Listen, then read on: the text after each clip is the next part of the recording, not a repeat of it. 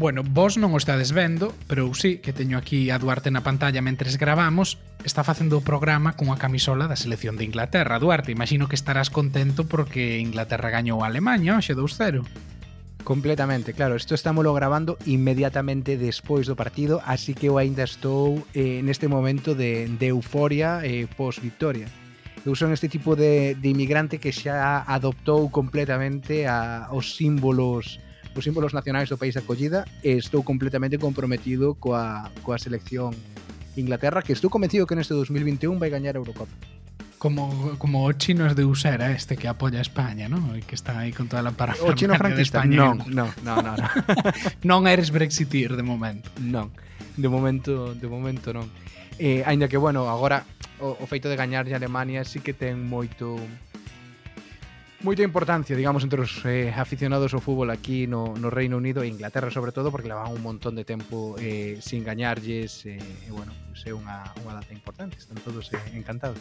Sí, a ver, eu alegrome e alegreime de que gañaran hoxe, eh, recoñezo que ia con Portugal, como sempre, mm. eh, eh, estou aínda nesa fase de ir con Portugal, pero bueno, esta, nesta Eurocopa pois non non tivemos moita sorte, tamén apoiaba a Gales, por iso de ter sido, bueno, pois o meu primeiro país de acollida cando cando fun pro Reino Unido, pero bueno, debe ser que teño gafe que que tampouco pasou, así que agora pois estou aí entre Inglaterra e Suiza, xa que teñen a a dous fillos eh, de galegos xogando uh -huh. xogando no equipo, eh, e bueno, podería ser de feito. Como ti, ademais. Como? Apelídase como a mí. Apelídase como a ti, Sergio sí. Rodríguez. Sí, sí. E, e, de feito non sei se si é ese o que a nai ou o pai é de Arteixo, sei que un eh, un dos pais é de Arteixo e outro é de Paderne, bueno, non sei cal dos dous era, así que, bueno, se si fora o de Arteixo tamén me queda preto, que eu son da Coruña. Así que, pero bueno, mira, pode ser que haxa unha final eh, Suiza-Inglaterra, quen sabe? Podería ser, podería ser. Bueno, estaremos pendentes, pero o programa de hoxe non vai de fútbol. Xa é verdade que falamos de fútbol algunhas veces neste podcast, pero este último, é o último da tempada e o último da etapa británica, así que comprometímonos a facer algo distinto. Eh, de que imos falar hoxe, Miguel? Pois, como te dís, algo distinto. Imos facer un percorrido polo que foron estes case dous anos e medio do noso podcast, pero bueno, falando tamén desde un punto de vista máis persoal, eh, do que aprendimos, eh, das nosas aprendizaxes persoais e profesionais, eh, bueno, facendo un, un percorrido polos programas que máis nos marcaron, que máis nos chamaron a atención e dos que máis cousas eh, de proveito sacamos. Uh -huh.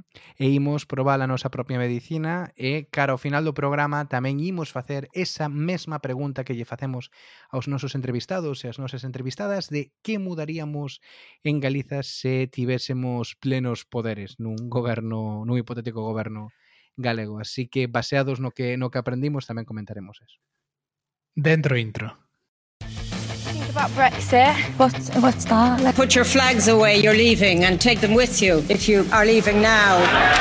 With the light, with the music, very welcome everybody here. You're joking. There's too much politics going on at the moment. Hi folks, I've developed mild symptoms of the coronavirus. The nose to the left, 432. Wow. Would you like a cup of tea? Yeah, sure. You don't. Have a cup of tea. Thank you, thank you.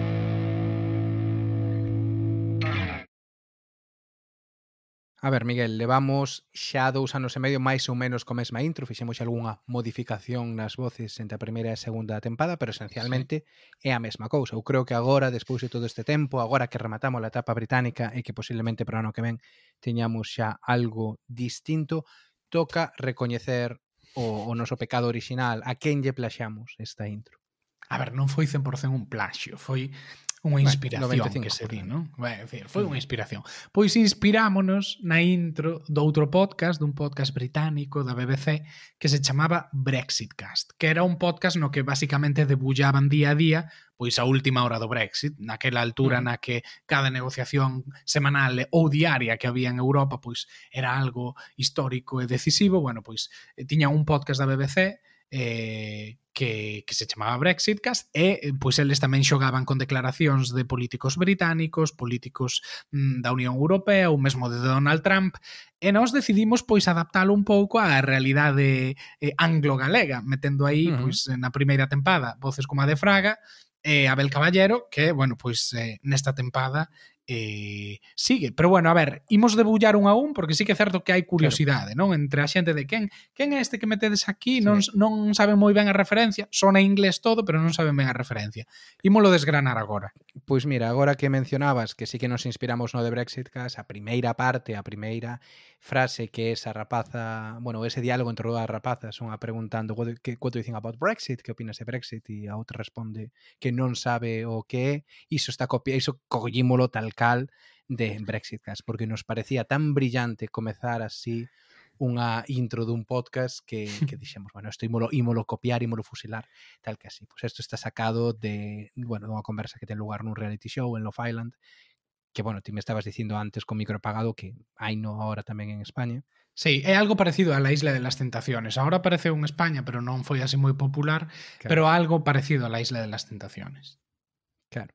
Bueno, e eh, pois de, de aí o sacamos ese quixémolo manter durante todos os anos. A segunda parte tamén ten que ver co Brexit. Ese, ademais, eh, metíchelo buscaras, lembrome que buscaras ti este audio e a verdade é que quedaba moi ben. De, de, de que, Miguel? Sí, a min é que parecerame brutal, pois fora o último día dos eh, deputados británicos no Parlamento Europeo, cando os deputados do Brexit Party de Nigel Farage pois montan ali unha performance coas bandeiras británicas dicindo adeus, e quen fala é a que nesa sesión fixo de presidenta da, da Cámara que unha deputada irlandesa que penso que se chama Myred McGuinness. E digo penso porque os nomes irlandeses sempre son, son un difíciles. inferno de pronunciar pronunciar e neste caso pois eh, non sei se si Myred está ben pronunciado ou é Myred ou o que sexa.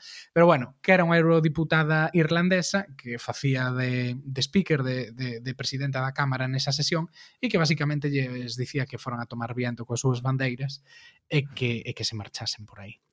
Pero bueno, Esta, bueno, de Bruselas, claro, de, de, Bruselas, de, Bruselas, saltamos a Vigo. De Bruselas saltamos a Vigo, que, bueno, unha conexión aérea bastante bastante habitual, porque sí, e probablemente... É que, que fan os eurodeputados, os eurodeputados galegos, ¿no? Claro, e cando se vai a, ali a negociar pois temas de pesca, pois oi, Bruselas Vigo. Pois é o alcalde de Vigo, non? É dicir, facilmente distinguible.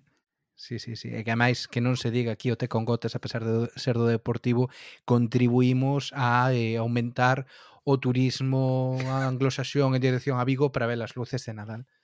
Claro, de tanto claro, repetir aquí Abel Caballero. Claro, porque isto era a apertura dunha das festas de Nadal na que eh, eh, Abel Caballero invitaba a todo o mundo a, a ir ver as luces. A min chamame a atención sobre isto que a xente que o coñece di que el fala moi ben inglés, porque el de feito mm. fixe un doutoramento en Cambridge e tal, e que cando ten visitas de xente de fora el fala un inglés moi correcto, e sen embargo a propósito desta volta fala así un inglés máis eh, con acento español, non sei se o fai para para máis o povo eh, ou, ou por non querer quedar así de, de élite e alta cultura ou que, pero, pero sí que me chama a atención. Mm -hmm. Bueno, eh, de Vigo volvemos para o Reino Unido. Desta volta queremos escoitar aquí o corte completo no que ten lugar esta frase que sacamos para intro. You're joking. Not another one?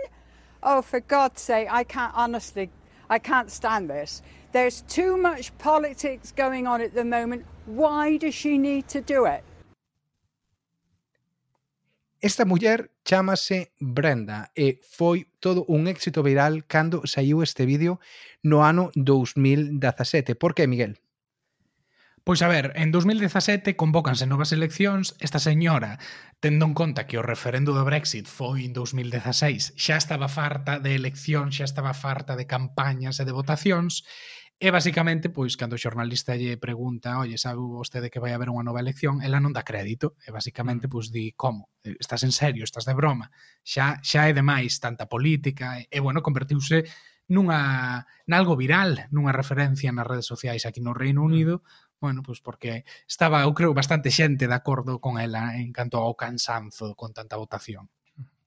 Esas eleccións que tanto debilitan ao goberno de Theresa May hasta o punto de pois, que chega a dimitir e a deixarlle paso a Boris Johnson é o que, en certo sentido, leva a o seguinte corte, que con Boris Johnson xa de primeiro ministro anunciándolle ao mundo pois que contraeu o que el chama síntomas suaves do coronavirus, pero que sigue aí a, a tope. Bueno, o seguinte vídeo que recordo del eh, despois de sair da UCI agradecéndolle aos enfermeiros eh, portu o enfermeiro portugués e enfermeira neozelandesa o traballo eh, feito. Eh, da UCI eh, pasamos de novo á Cámara dos Comuns. E este outro corte, este último corte, eh, tamén estivo na tempada anterior. É eh? un momento de ruido de follón na Cámara dos Comuns. Por que, Miguel?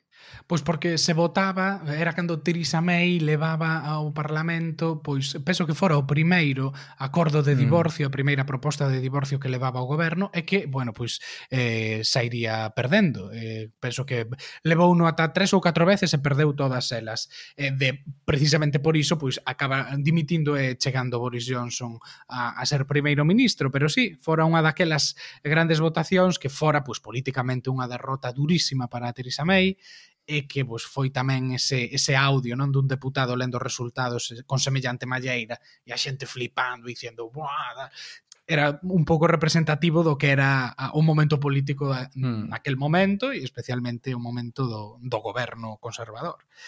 Uh -huh. Pero bueno, non deixamos a política porque o último volve ser Boris Johnson, pero nun momento diferente.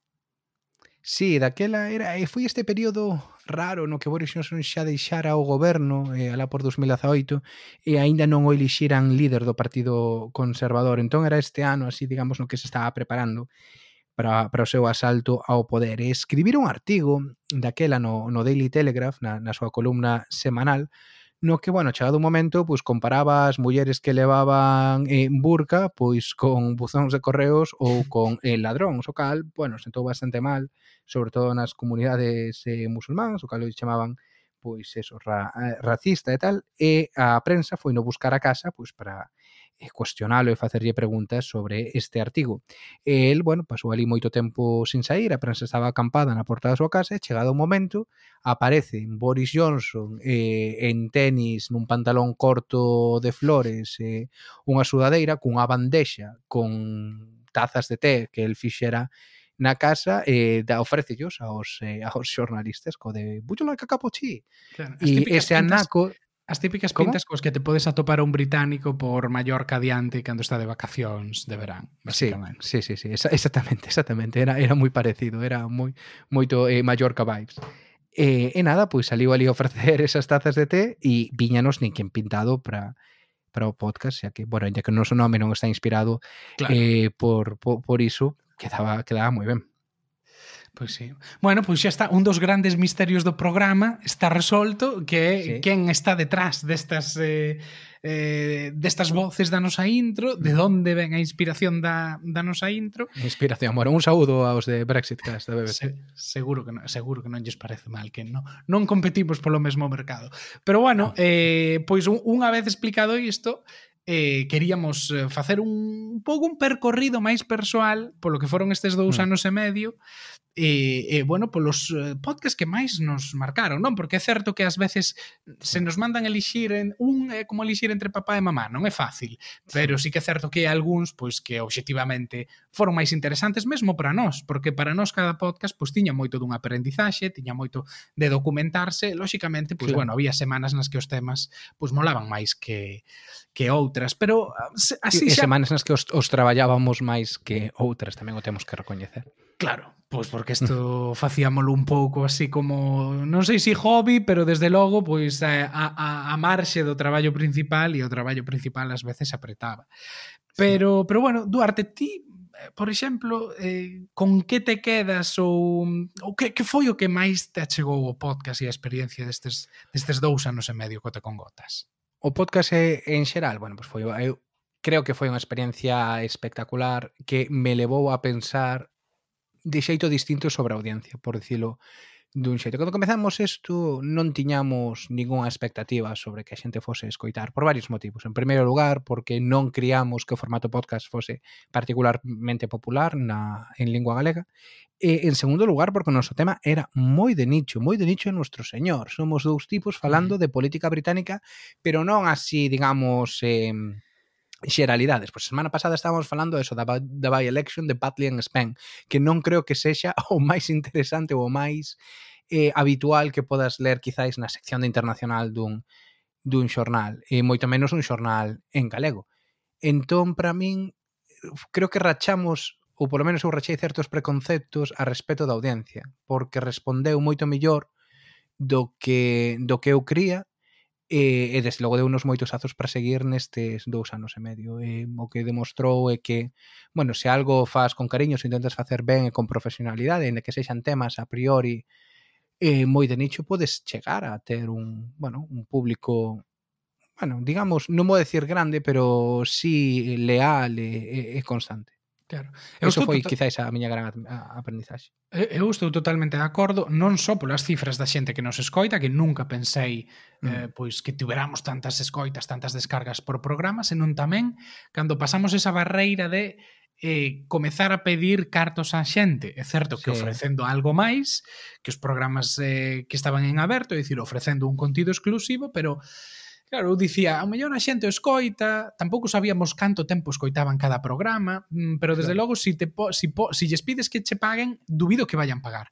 E agora temos eh, case 60 persoas, eh, se non 60, eh, que todos os meses achegan algo, como mínimo uh -huh. 2,5 euros ou libras ou dólares, depende da, da cantidade que da moeda que teña, ata 10 euros ao mes, que me parece unha barbaridade e cando sí, e non sí. son amigos, sabes? Porque podería pensar, bueno, mellor un familiar, un amigo eh, fai iso, Home, algúns sí que son amigos, pero hai moitos sí. outros que non coñecemos e que pagan polo sí, sí. que pagan polo podcast. A, a min iso sorprendeume moitísimo e, e bueno, fíxome pensar, non, sobre o que dicías ti, se facemos algo tan nicho e a xente claro. está disposta a pagar, se ampliamos a escala e facemos algo pois que sexa máis apetecible para un público máis xeral, eh, uh -huh. que podería pasar, non? Bueno, Sí. Sí, sí, desde logo para min foi eh, foi unha nese sentido un descubrimento e, e, e tamén eu diría unha, diría unha cousa sobre o tema o que dis dos, eh, dos cartos. Eu quizás aí é pola mentalidade anglosaxona, pero a veces cando vexo outra xente que, que monta Patreons ou que pide cartos é como que lles dá vergoña. A mí non me dá vergoña ningunha, eh? No, no, claro, pero ningún eu eh, neste sentido vexo moi importante pois intentar monetizar, intentar facer as cousas eh, sostibles, o que me alegra é que tantísima xente do público pois eh, respondese a ese a ese chamado e, e bueno, permitiunos mellorar a calidade, permitiunos agora falar utilizar micros en voz, permitiunos eh, bueno, manternos, digamos, entre comillas motivados. E agora que estamos pensando en en relanzar isto de cara ao ano, bueno, ao ano que ven, a tempada que ven, eh, tamén nos vai a permitir pois facer algúns investimentos, incluso dos que estamos falando que xa anunciaremos en, en debido en debido tempo, pero bueno, eso foi un gran un gran descubrimento. Pois sí. E así a nivel persoal, Miguel, que, que máis aprendizaxes sacaches deste deste tempo?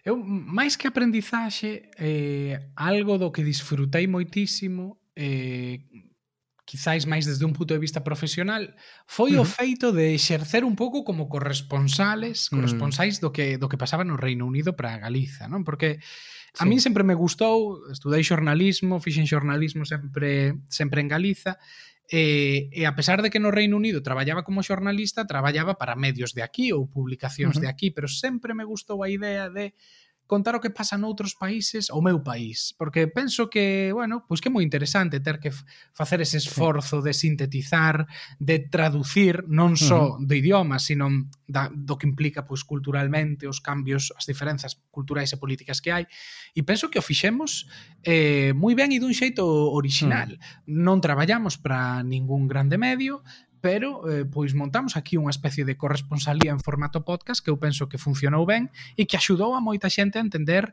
o que estaba mm. pasando mm. nun momento político do Reino Unido apaixonante. E, e bueno, xa mm. desde un punto de vista máis persoal, pois eh, joder, a min a experiencia do Te con Gotas, a documentación que facíamos, todo o que aprendín, tamén me serviu para eh, traballar como freelance, esta vez sí, para outros medios do Estado español, como el diario.es, como la Voz de Galicia, como Gara. Uh -huh. Entón, desde un punto de vista profesional, foi algo moi moi gratificante, moi enriquecedor e, oye, matei ese gusanillo de pois pues mira, estiven algo como corresponsal eh, ou escribindo como tal no estranxeiro en algún momento da miña vida.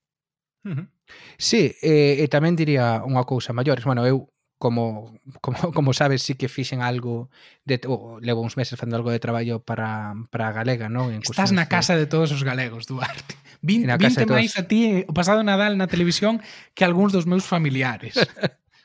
Pois sí, sobre todo naquele momento, non? No que sei todos os días a informar do, do mal que lleva este país co tema do, da COVID. Pero bueno, eu que sí, eso, o que dicía é que mesmo facendo ese traballo de, de corresponsalía ata certo punto, sí que unha cousa que, que me gusta moito do formato podcast e que creo que cubre, digamos, ese, ese espazo que ou esa función que antes cubrían outros formatos, por exemplo, a prensa en papel, da leitura máis, máis pausada ou, ou de, de cuestións máis máis complexas que igual, por exemplo, se eres corresponsal para a tele, para o telexornal non podes facer porque só tes un minuto, un minuto e medio pero que nun podcast no que podes, pois iso dedicarte media hora a falar da by-election de Bartley and Spen eh, sí que cho permite. Eh, creo que un dos éxitos deste formato e que me serviu a min moito pois para, para aprender tamén como profesional é crear isto, un produto informativo, un produto xornalístico eh, que sirve para falar máis devagar de,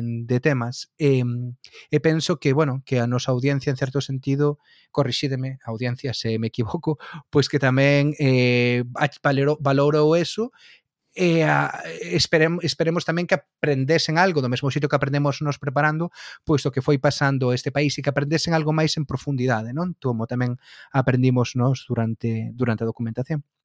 Claro.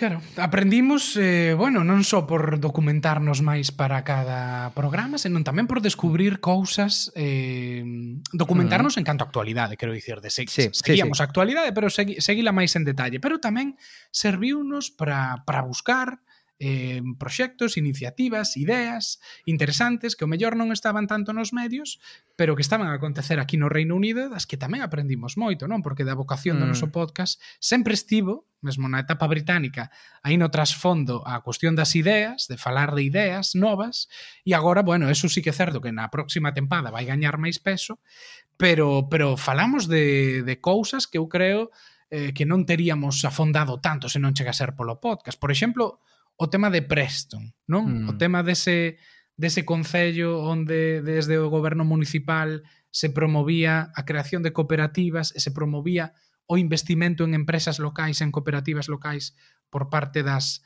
das administracións. Eso de feito é algo que, bueno, xa falamos así un pouco entre nós, podemos retomar na, na nova tempada, non? Revisitar Preston, que pasou ali claro. despois da última vez que analizamos o seu modelo é máis aplicado a Galiza para, para a próxima tempada, pero non, concordo con, completamente contigo co que dis eh, das ideas e concretamente o de Preston foi espectacular porque tam, tamén era algo do que alá a xente non estaba falando, incluso aquí tampouco estábase falando, pero en, digamos en espazos ou en medios moi moi especializados e vemos que agora é algo que tamén está empezando a proliferar noutras autoridades locais, como un xeito de garantir, digamos, que o investimento quede quede nun, nun municipio, e, bueno, pareceu nos super innovador, moi interesante eh, e moi aplicable en certos sentidos a, a, a Galiza. Eh, e foi un dos programas que máis disfrutamos. Tamén polo feito, sí. eu creo de poder eh, entrevistar a unha persoa que foi moi activa nese, nese proceso e que falaba un español estupendo. A Julia entón, Marley, eh?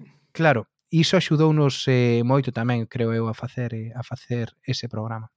Sí. É certo, a min sorprendeume que os programas que falábamos, nos que falábamos así de ideas novas ou Mm. Ou, ou polo menos mm, de cambiar o modelo que as inercias que, que existen agora, non?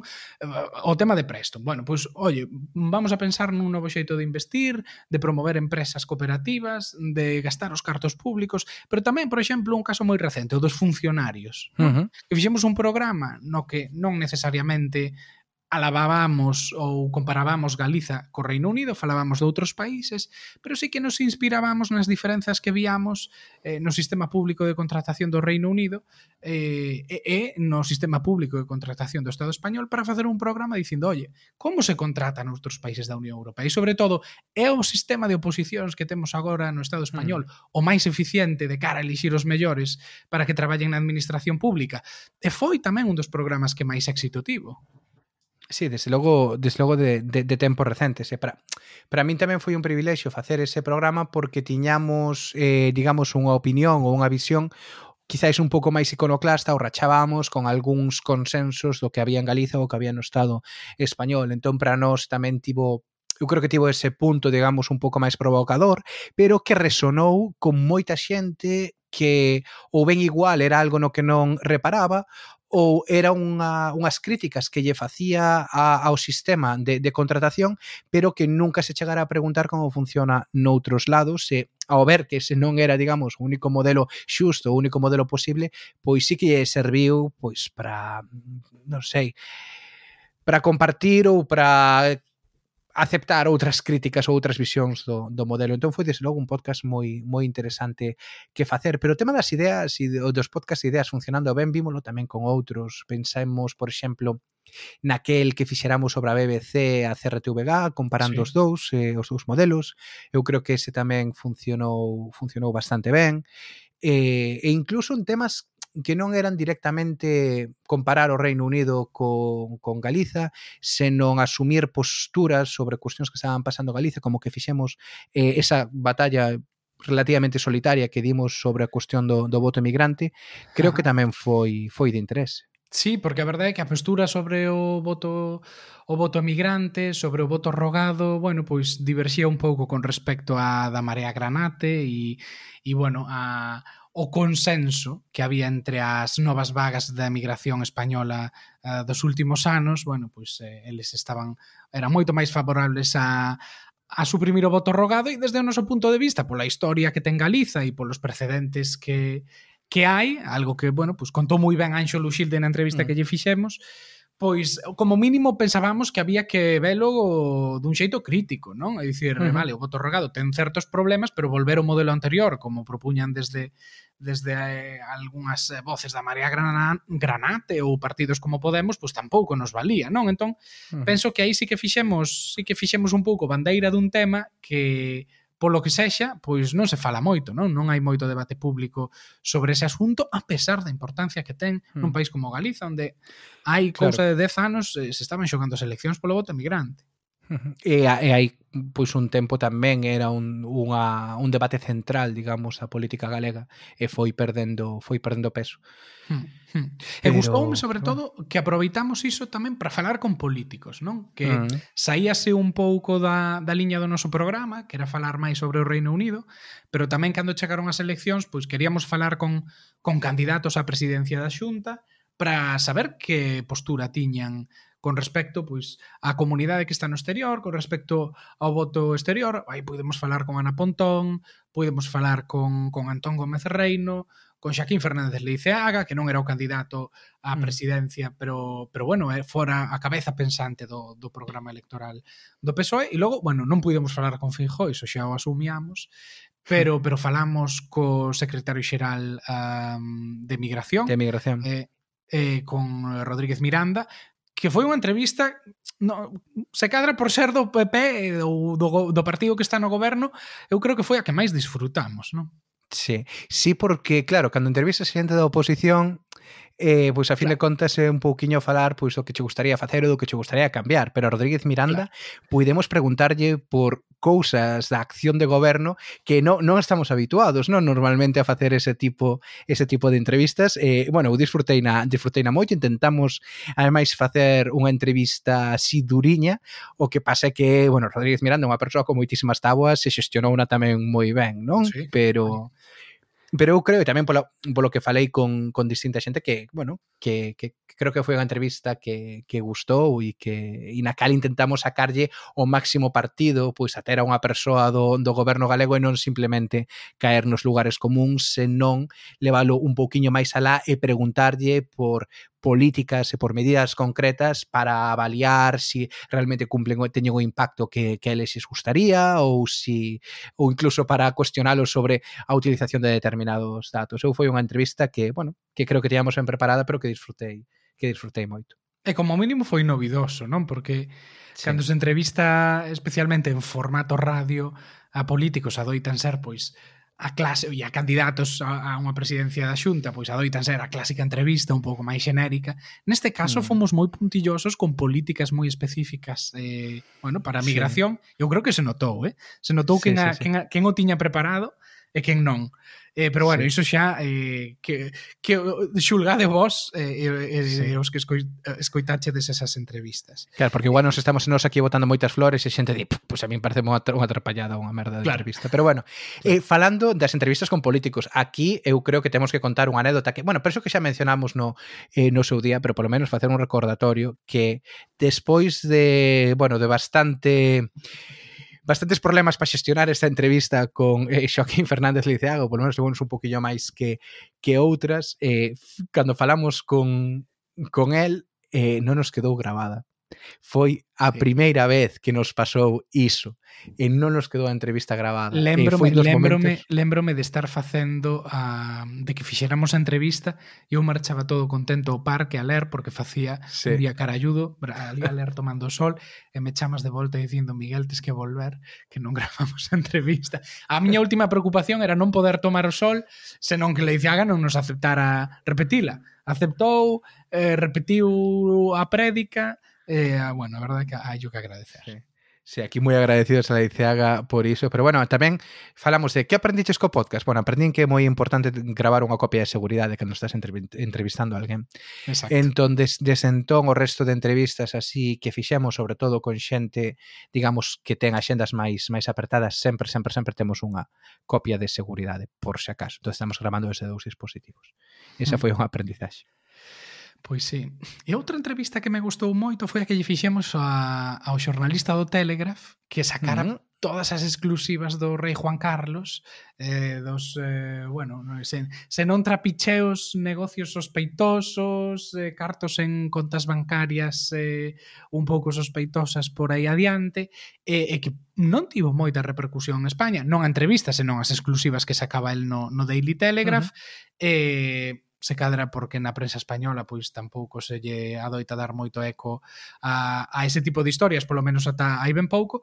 E penso que, bueno, foi unha entrevista interesante. Lembro que a tiñamos previsto como imos comezar a nova tempada con, con este tema e así para comezar forte e tal, e tivemos que sacala no medio do verán, eh, totalmente for, no, no medio do noso descanso, porque eh, saltaran algunhas destas polémicas eh, á prensa, non fixéranse públicas, e Juan Carlos volvía a estar de actualidade. Uh -huh. Sí, sí, sí, e, e non só iso, claro, tivemos, eu lembro de gravar esa ese programa desde unha habitación de hotel en Muros, que era no verán pasado, nese breve período no que, bueno, pudemos ter algo de algo de vida e algo de, de ocio, eh, por sin micro, sin nada, porque, bueno, había que sacala e non tiñamos non tiñamos outro outro xeito, pero, uh -huh.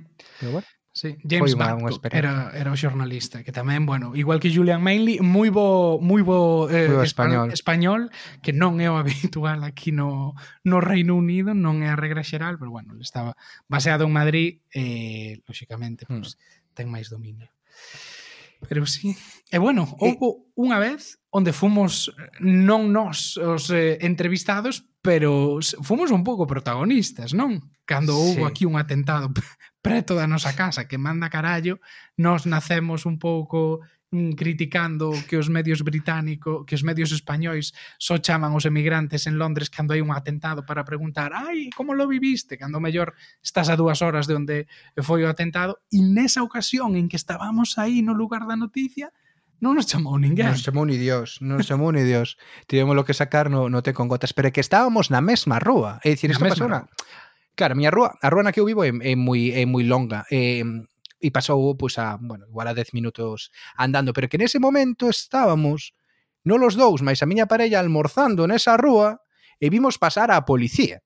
Sí. Eh, e ambulancias eh, claro, para arriba, Lolo. E ambulancias e todo. Entonces sí que nos pillou realmente moi cerca, pero pero non, daquela non chamou, non chamou ninguén. Incluso ti eras veciño, non? Do Sí, bueno, da persoa que, que cometeu o atentado. Sí, é que, bueno, isto comentáramoslo na, naquel programa, pero para que non o escoitara, despois de, de estar con vosos dous, eu subín para casa e, e na costa, camiño da miña casa, vin que había, eh, houbera un accidente e que había dous coches eh, prácticamente en siniestro total.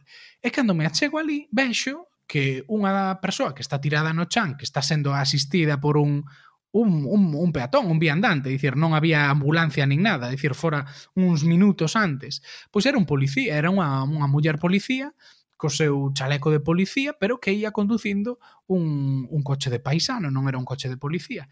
E ali estaba sangrando, tirada no chan, apoiada contra, contra a parede dunha, dunha casa, E claro, estaba todo aquelo siniestro total, e dicir, fora moi recente. E claro, eu lembrome que quixera tirar unha foto, xa me sai aí o espírito xornalista, e quixera tirar unha foto daquele estropicio e non tiña batería no móvil. E nada máis chegar a casa, xa me puxan a mirar no Twitter, en plan, en Streatham, eh, Polis, eh, helicóptero, porque había un helicóptero pola zona, mm E xa foi como pouco a pouco comezamos a enterarnos do, do atentado. E o caso deste accidente, que non tiña nada que ver co... Bueno, non tiña nada que ver, non foi no lugar do atentado, este accidente de, de coche, pois despois apareceu na prensa que supostamente pois a policía estaba se dirixindo ao lugar dos feitos ou perseguindo un sospeitoso mm e involuntariamente chocou contra outro vehículo. De feito, mm. eh, un dos policías, non sei se quen conducía ou outro ou quen fora, pois abríraselle unha investigación por presunta conducción temeraria ou actuación temeraria. Sí. Non teño claro cal foi o desenlace diso, pero sí que é certo que, bueno, que estuvemos aí ao pé da noticia. Pois sí, pois sí, eh, pero claro, a desgracia aí é que non nos chamou ninguén, pero Bueno, mm, eh, polo menos para, para eso temos un podcast para contar as nosas as nosas movidas, ¿no? Ah, bueno, espera, e non só iso, agora que me estou lembrando, o día seguinte saio da casa para ir ao traballo e con que me atopo? Pois con seis coches de policía no edificio que está xusto ao lado da miña casa facendo un rexistro. Por qué? Bueno, pois porque resulta que ese edificio era unha destas vivendas de transición para xente que sae da, cade, da cadea e que se está, bueno, pois en período de reinsertarse, vivir libremente, e aí vivía o, a, a, o rapaz que, bueno, pois que cometou o atentado e que finalmente a, a policía abatiu a tiros en Streatham. Así que al lado, pero al lado, al lado, literal. Hmm, sí, to totalmente. Eh, pero bueno, xa movéndonos así, digamos, a parte máis truculenta do podcast, porque mira que cubrimos cousas sí. cousas distintas. E xa un pouquiño non para pechar do todo, pero si sí para ir xa reconducindo, porque coas coñas levamos eh, 40 minutos. Eh, unha cousa que tamén me gustou destes seus anos e medio é que descubrimos a moita xente, moitísimo talento, non? De moitísimos galegos e galegas que están facendo cousas espectaculares, moi interesantes, con moito potencial para eh, recuperar, bueno, para levar a Galiza, pero tamén nos atopamos con xente que a maiores de ser grandes profesionais son grandes comunicadores, aínda que non se dediquen a isto, non? Sí. Xente que que falan super ben e que nos diron entrevistas eh, moi boas. Ti uh -huh. que destacarías? eu quedaríame con Violeta Pérez que é esta mm. psiquiatra infantil que entrevistamos precisamente nas primeiras semanas da, da pandemia eh, para falar de saúde mental, de problemas de saúde mental, nun momento no que, bueno, pois moita xente o estaba pasando mal desde ese punto de vista, co tema de estar na casa, de non poder socializar, e, e sorprendeume o claro que falaba, como estructuraba as ideas, eh, mm, o xeito no que explicaba algo pois a priori técnico e complexo sen aburrir.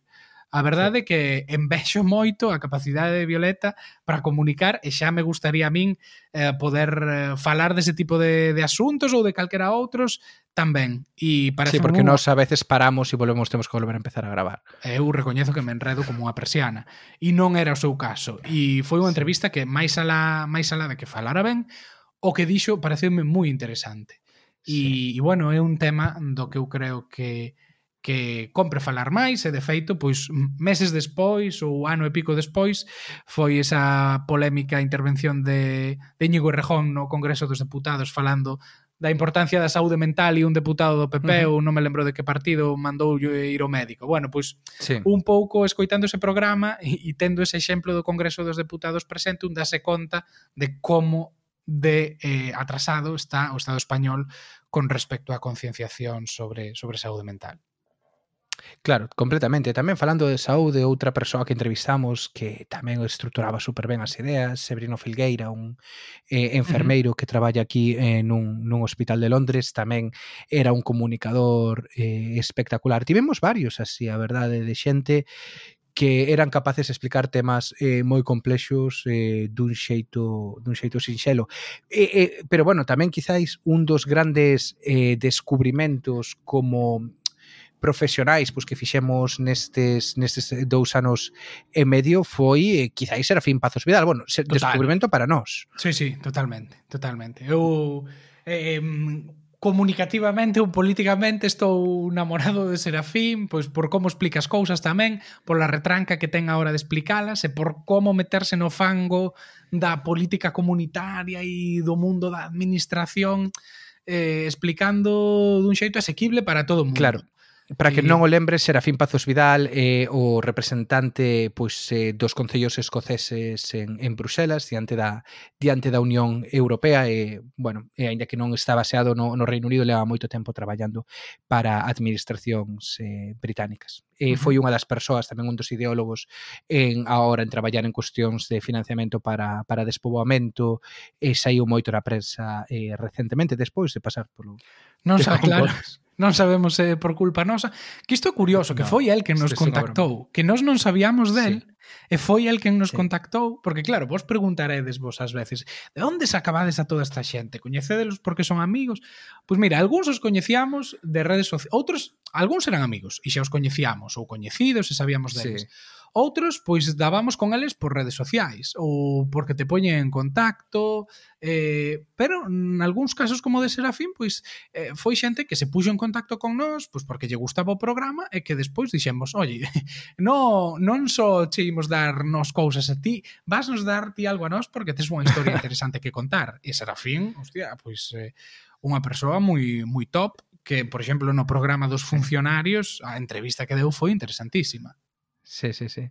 Completamente, completamente un dos grandes descubrimentos destes, destes dos anos e medio. A ver, a verdade é que hai moito, eh? se si nos empezamos agora a parar eh, con entrevistados ou con xente que nos dou moitas moi boas entrevistas, pois non sería un non parar, penso no programa eh, que fixemos sobre as peñas do Deportivo do Celta, o ben, ben que o fixeron a, os entrevistados tamén daquela, eh, bueno, hai, hai moitísimos, que pasa que non ahora non os podemos non os podemos enumerar todos, pero algo que sí que preguntábamos a toda a xente que pasaba por aquí, a todos os entrevistados e entrevistadas, era baseándose na súa experiencia no Reino Unido e no seu traballo eh, aquí, eh, se tivesen un poder absoluto, digamos, en, en, en Galiza, que cambiarían ou que levarían?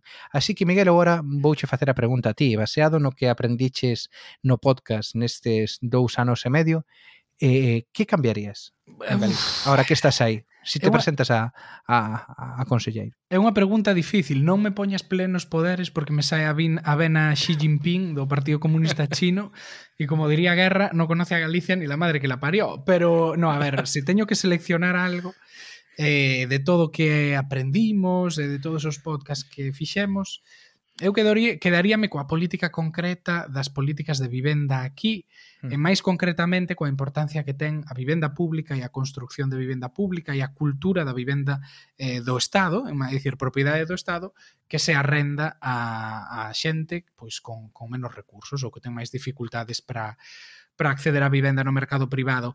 É algo que a pensar dos anos de Margaret Thatcher onde se desmantelou grande parte de, dese sistema e onde se venderon moitísimas desas vivendas públicas continúa presente e continúa presente a pesar de estar no poder un partido conservador a quen non se lle presupón demasiado interese ou non se lle debera eh, eh, presupoñer demasiado interese nunha política deste estilo, pero sí que é mm. certo que nos últimos anos mesmo os conservadores fan bandeira de aumentar o investimento para que os concellos poidan construir novas vivendas eh, públicas municipais. Vivendas como as que en España, pois en moitos sitios se coñecen como as casas de Franco, esas vivendas eh, pois que se fixeron durante a dictadura, que a día de hoxe siguen estando en mans de moitos concellos, e estou pensando no caso no caso da Coruña, e que se arrendan pois a, a familias con poucos recursos. Bueno, pois eu penso que en España, agora que se fala tanto de política de vivenda, habería que pensar máis hmm. en propostas así, e non tanto en eh, subvencións aos propietarios para que mm. aluguen máis eh, ou para que non suban os prezos dos alugueiros. Eh, bueno, eu creo que o Estado tiñase que implicar moito máis é que non se... Por que non pode a administración construir as súas propias vivendas, telas en propiedade e alugalas a xente eh, pois con, con poucos recursos ou non só con poucos recursos, mm. que dicir o que nos últimos anos se coñecía como clase media, por exemplo.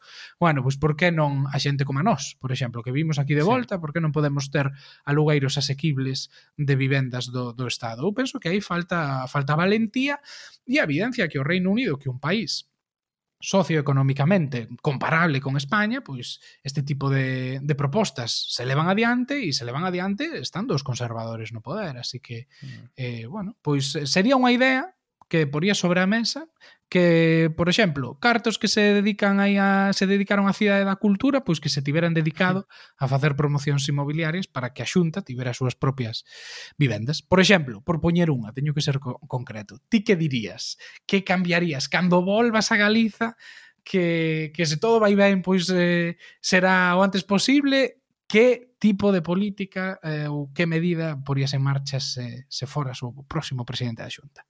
Hmm. Pois, a ver, eu creo Veña, vou dicir dúas cousas. Eh, que me preguntaches unha, pero vou dicir dúas. Unha é quizáis recoller un pouco o espírito do que moita xente que pasou polo podcast nos dixo, que é comezar a pensar máis no longo prazo.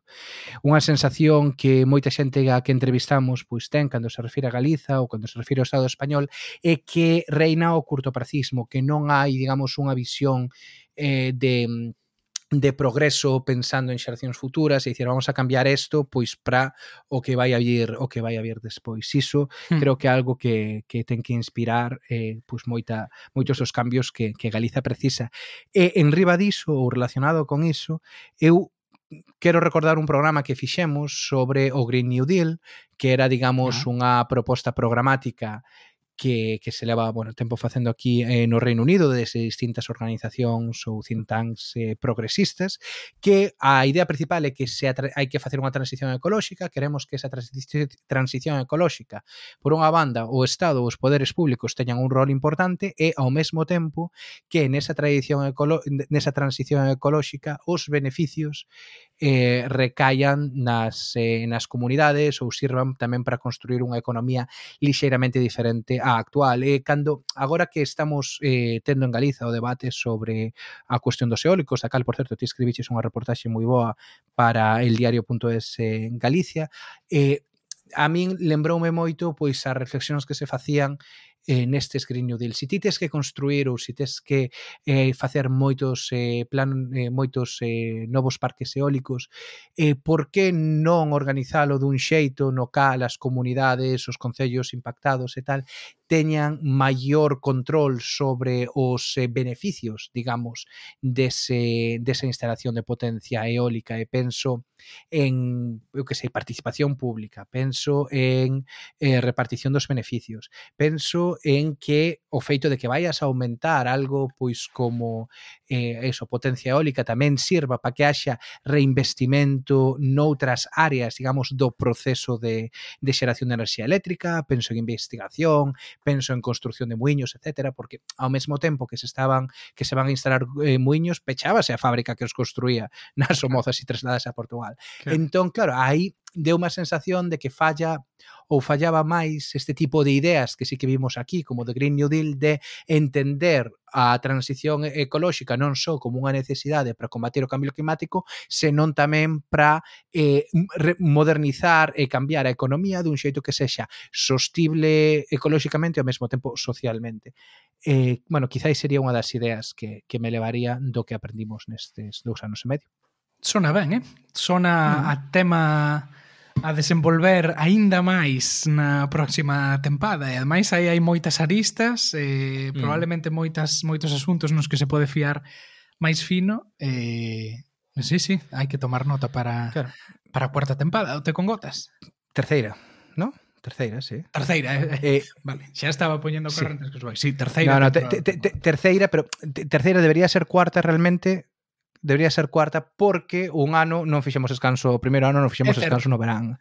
Aí viñémonos arriba e, e viñémonos arriba. Claro, é que unha, unha das grandes cousas que queríamos, uh, por así dicilo, a contradicir, non, ou demostrar era que eh, os eh, poden nacer proxectos mediáticos novos en galego sin que duren 4 días. E eh, proxectos claro. pequenos, eh, no? É dicir, eh, eh, nos últimos anos, eu creo, especialmente des, despois do 2010, 2012, aparecían moitos proxectos moi efímeros, que duraban uns meses, o tempo mm. que lle duraba un pouco a, a excitación a quen, a quen os promovía, e despois desaparecían sen saberse moito máis deles. Claro. E nós, pois, eu creo que nesa primeira tempada queríamos demostrar que, oye, estamos aquí a tope, e non imos parar, e nos viñemos arriba e continuamos. E, bueno, pois agora chega, chega o seu seu fin, porque este proxecto, pois é certo que estaba vinculado eh, moito a, a unha etapa vital nosa e a contar eh, pois unha parte do mundo eh, desde a nosa experiencia como inmigrantes no Reino Unido e agora, bueno, pois eh, continúa, se transforma, eh, eh, continúa de outro xeito, pero, pero bueno, o, o podcast en sí, pois, pois non finaliza, finaliza a etapa británica. Uh -huh. Sí, completamente. De momento creo que non vamos a dar máis, eh, eu creo, máis eh, novidades do que vai ser a tempada seguinte, pero estade atentos, estade atentas, porque algo no que nas próximas semanas imos eh, traballar un poquinho máis para os nosos patróns e as nosas patroas. Eh, convidaremos vos eh, en algún momento pois a unha chamada para com comentar pois o que o que temos en mente para recoller as vosas ideas e o voso feedback. E para os demais, pois tamén enviaremos algunha enquisa ou eh, estamos desde logo abertos a, a suxestións. Agora mesmo que estamos traballando é máis a idea de ter un podcast centrado na parte de ideas, máis eh, adaptado a Galiza, pero estamos abertos a, a suxestións, estamos abertos a ideas e agardemos pois que o que traiamos para a tempada que ven siga sendo do voso en do voso interese e que este proxecto, bueno, pois saia un pouquiño máis do nicho no que estamos sobre política británica e chegue pois a máis galegos e a máis galegas. Pois sí. Bueno, pois ata aquí o podcast de hoxe e ata aquí a etapa británica do Te con Gotas, non dá pena dicilo.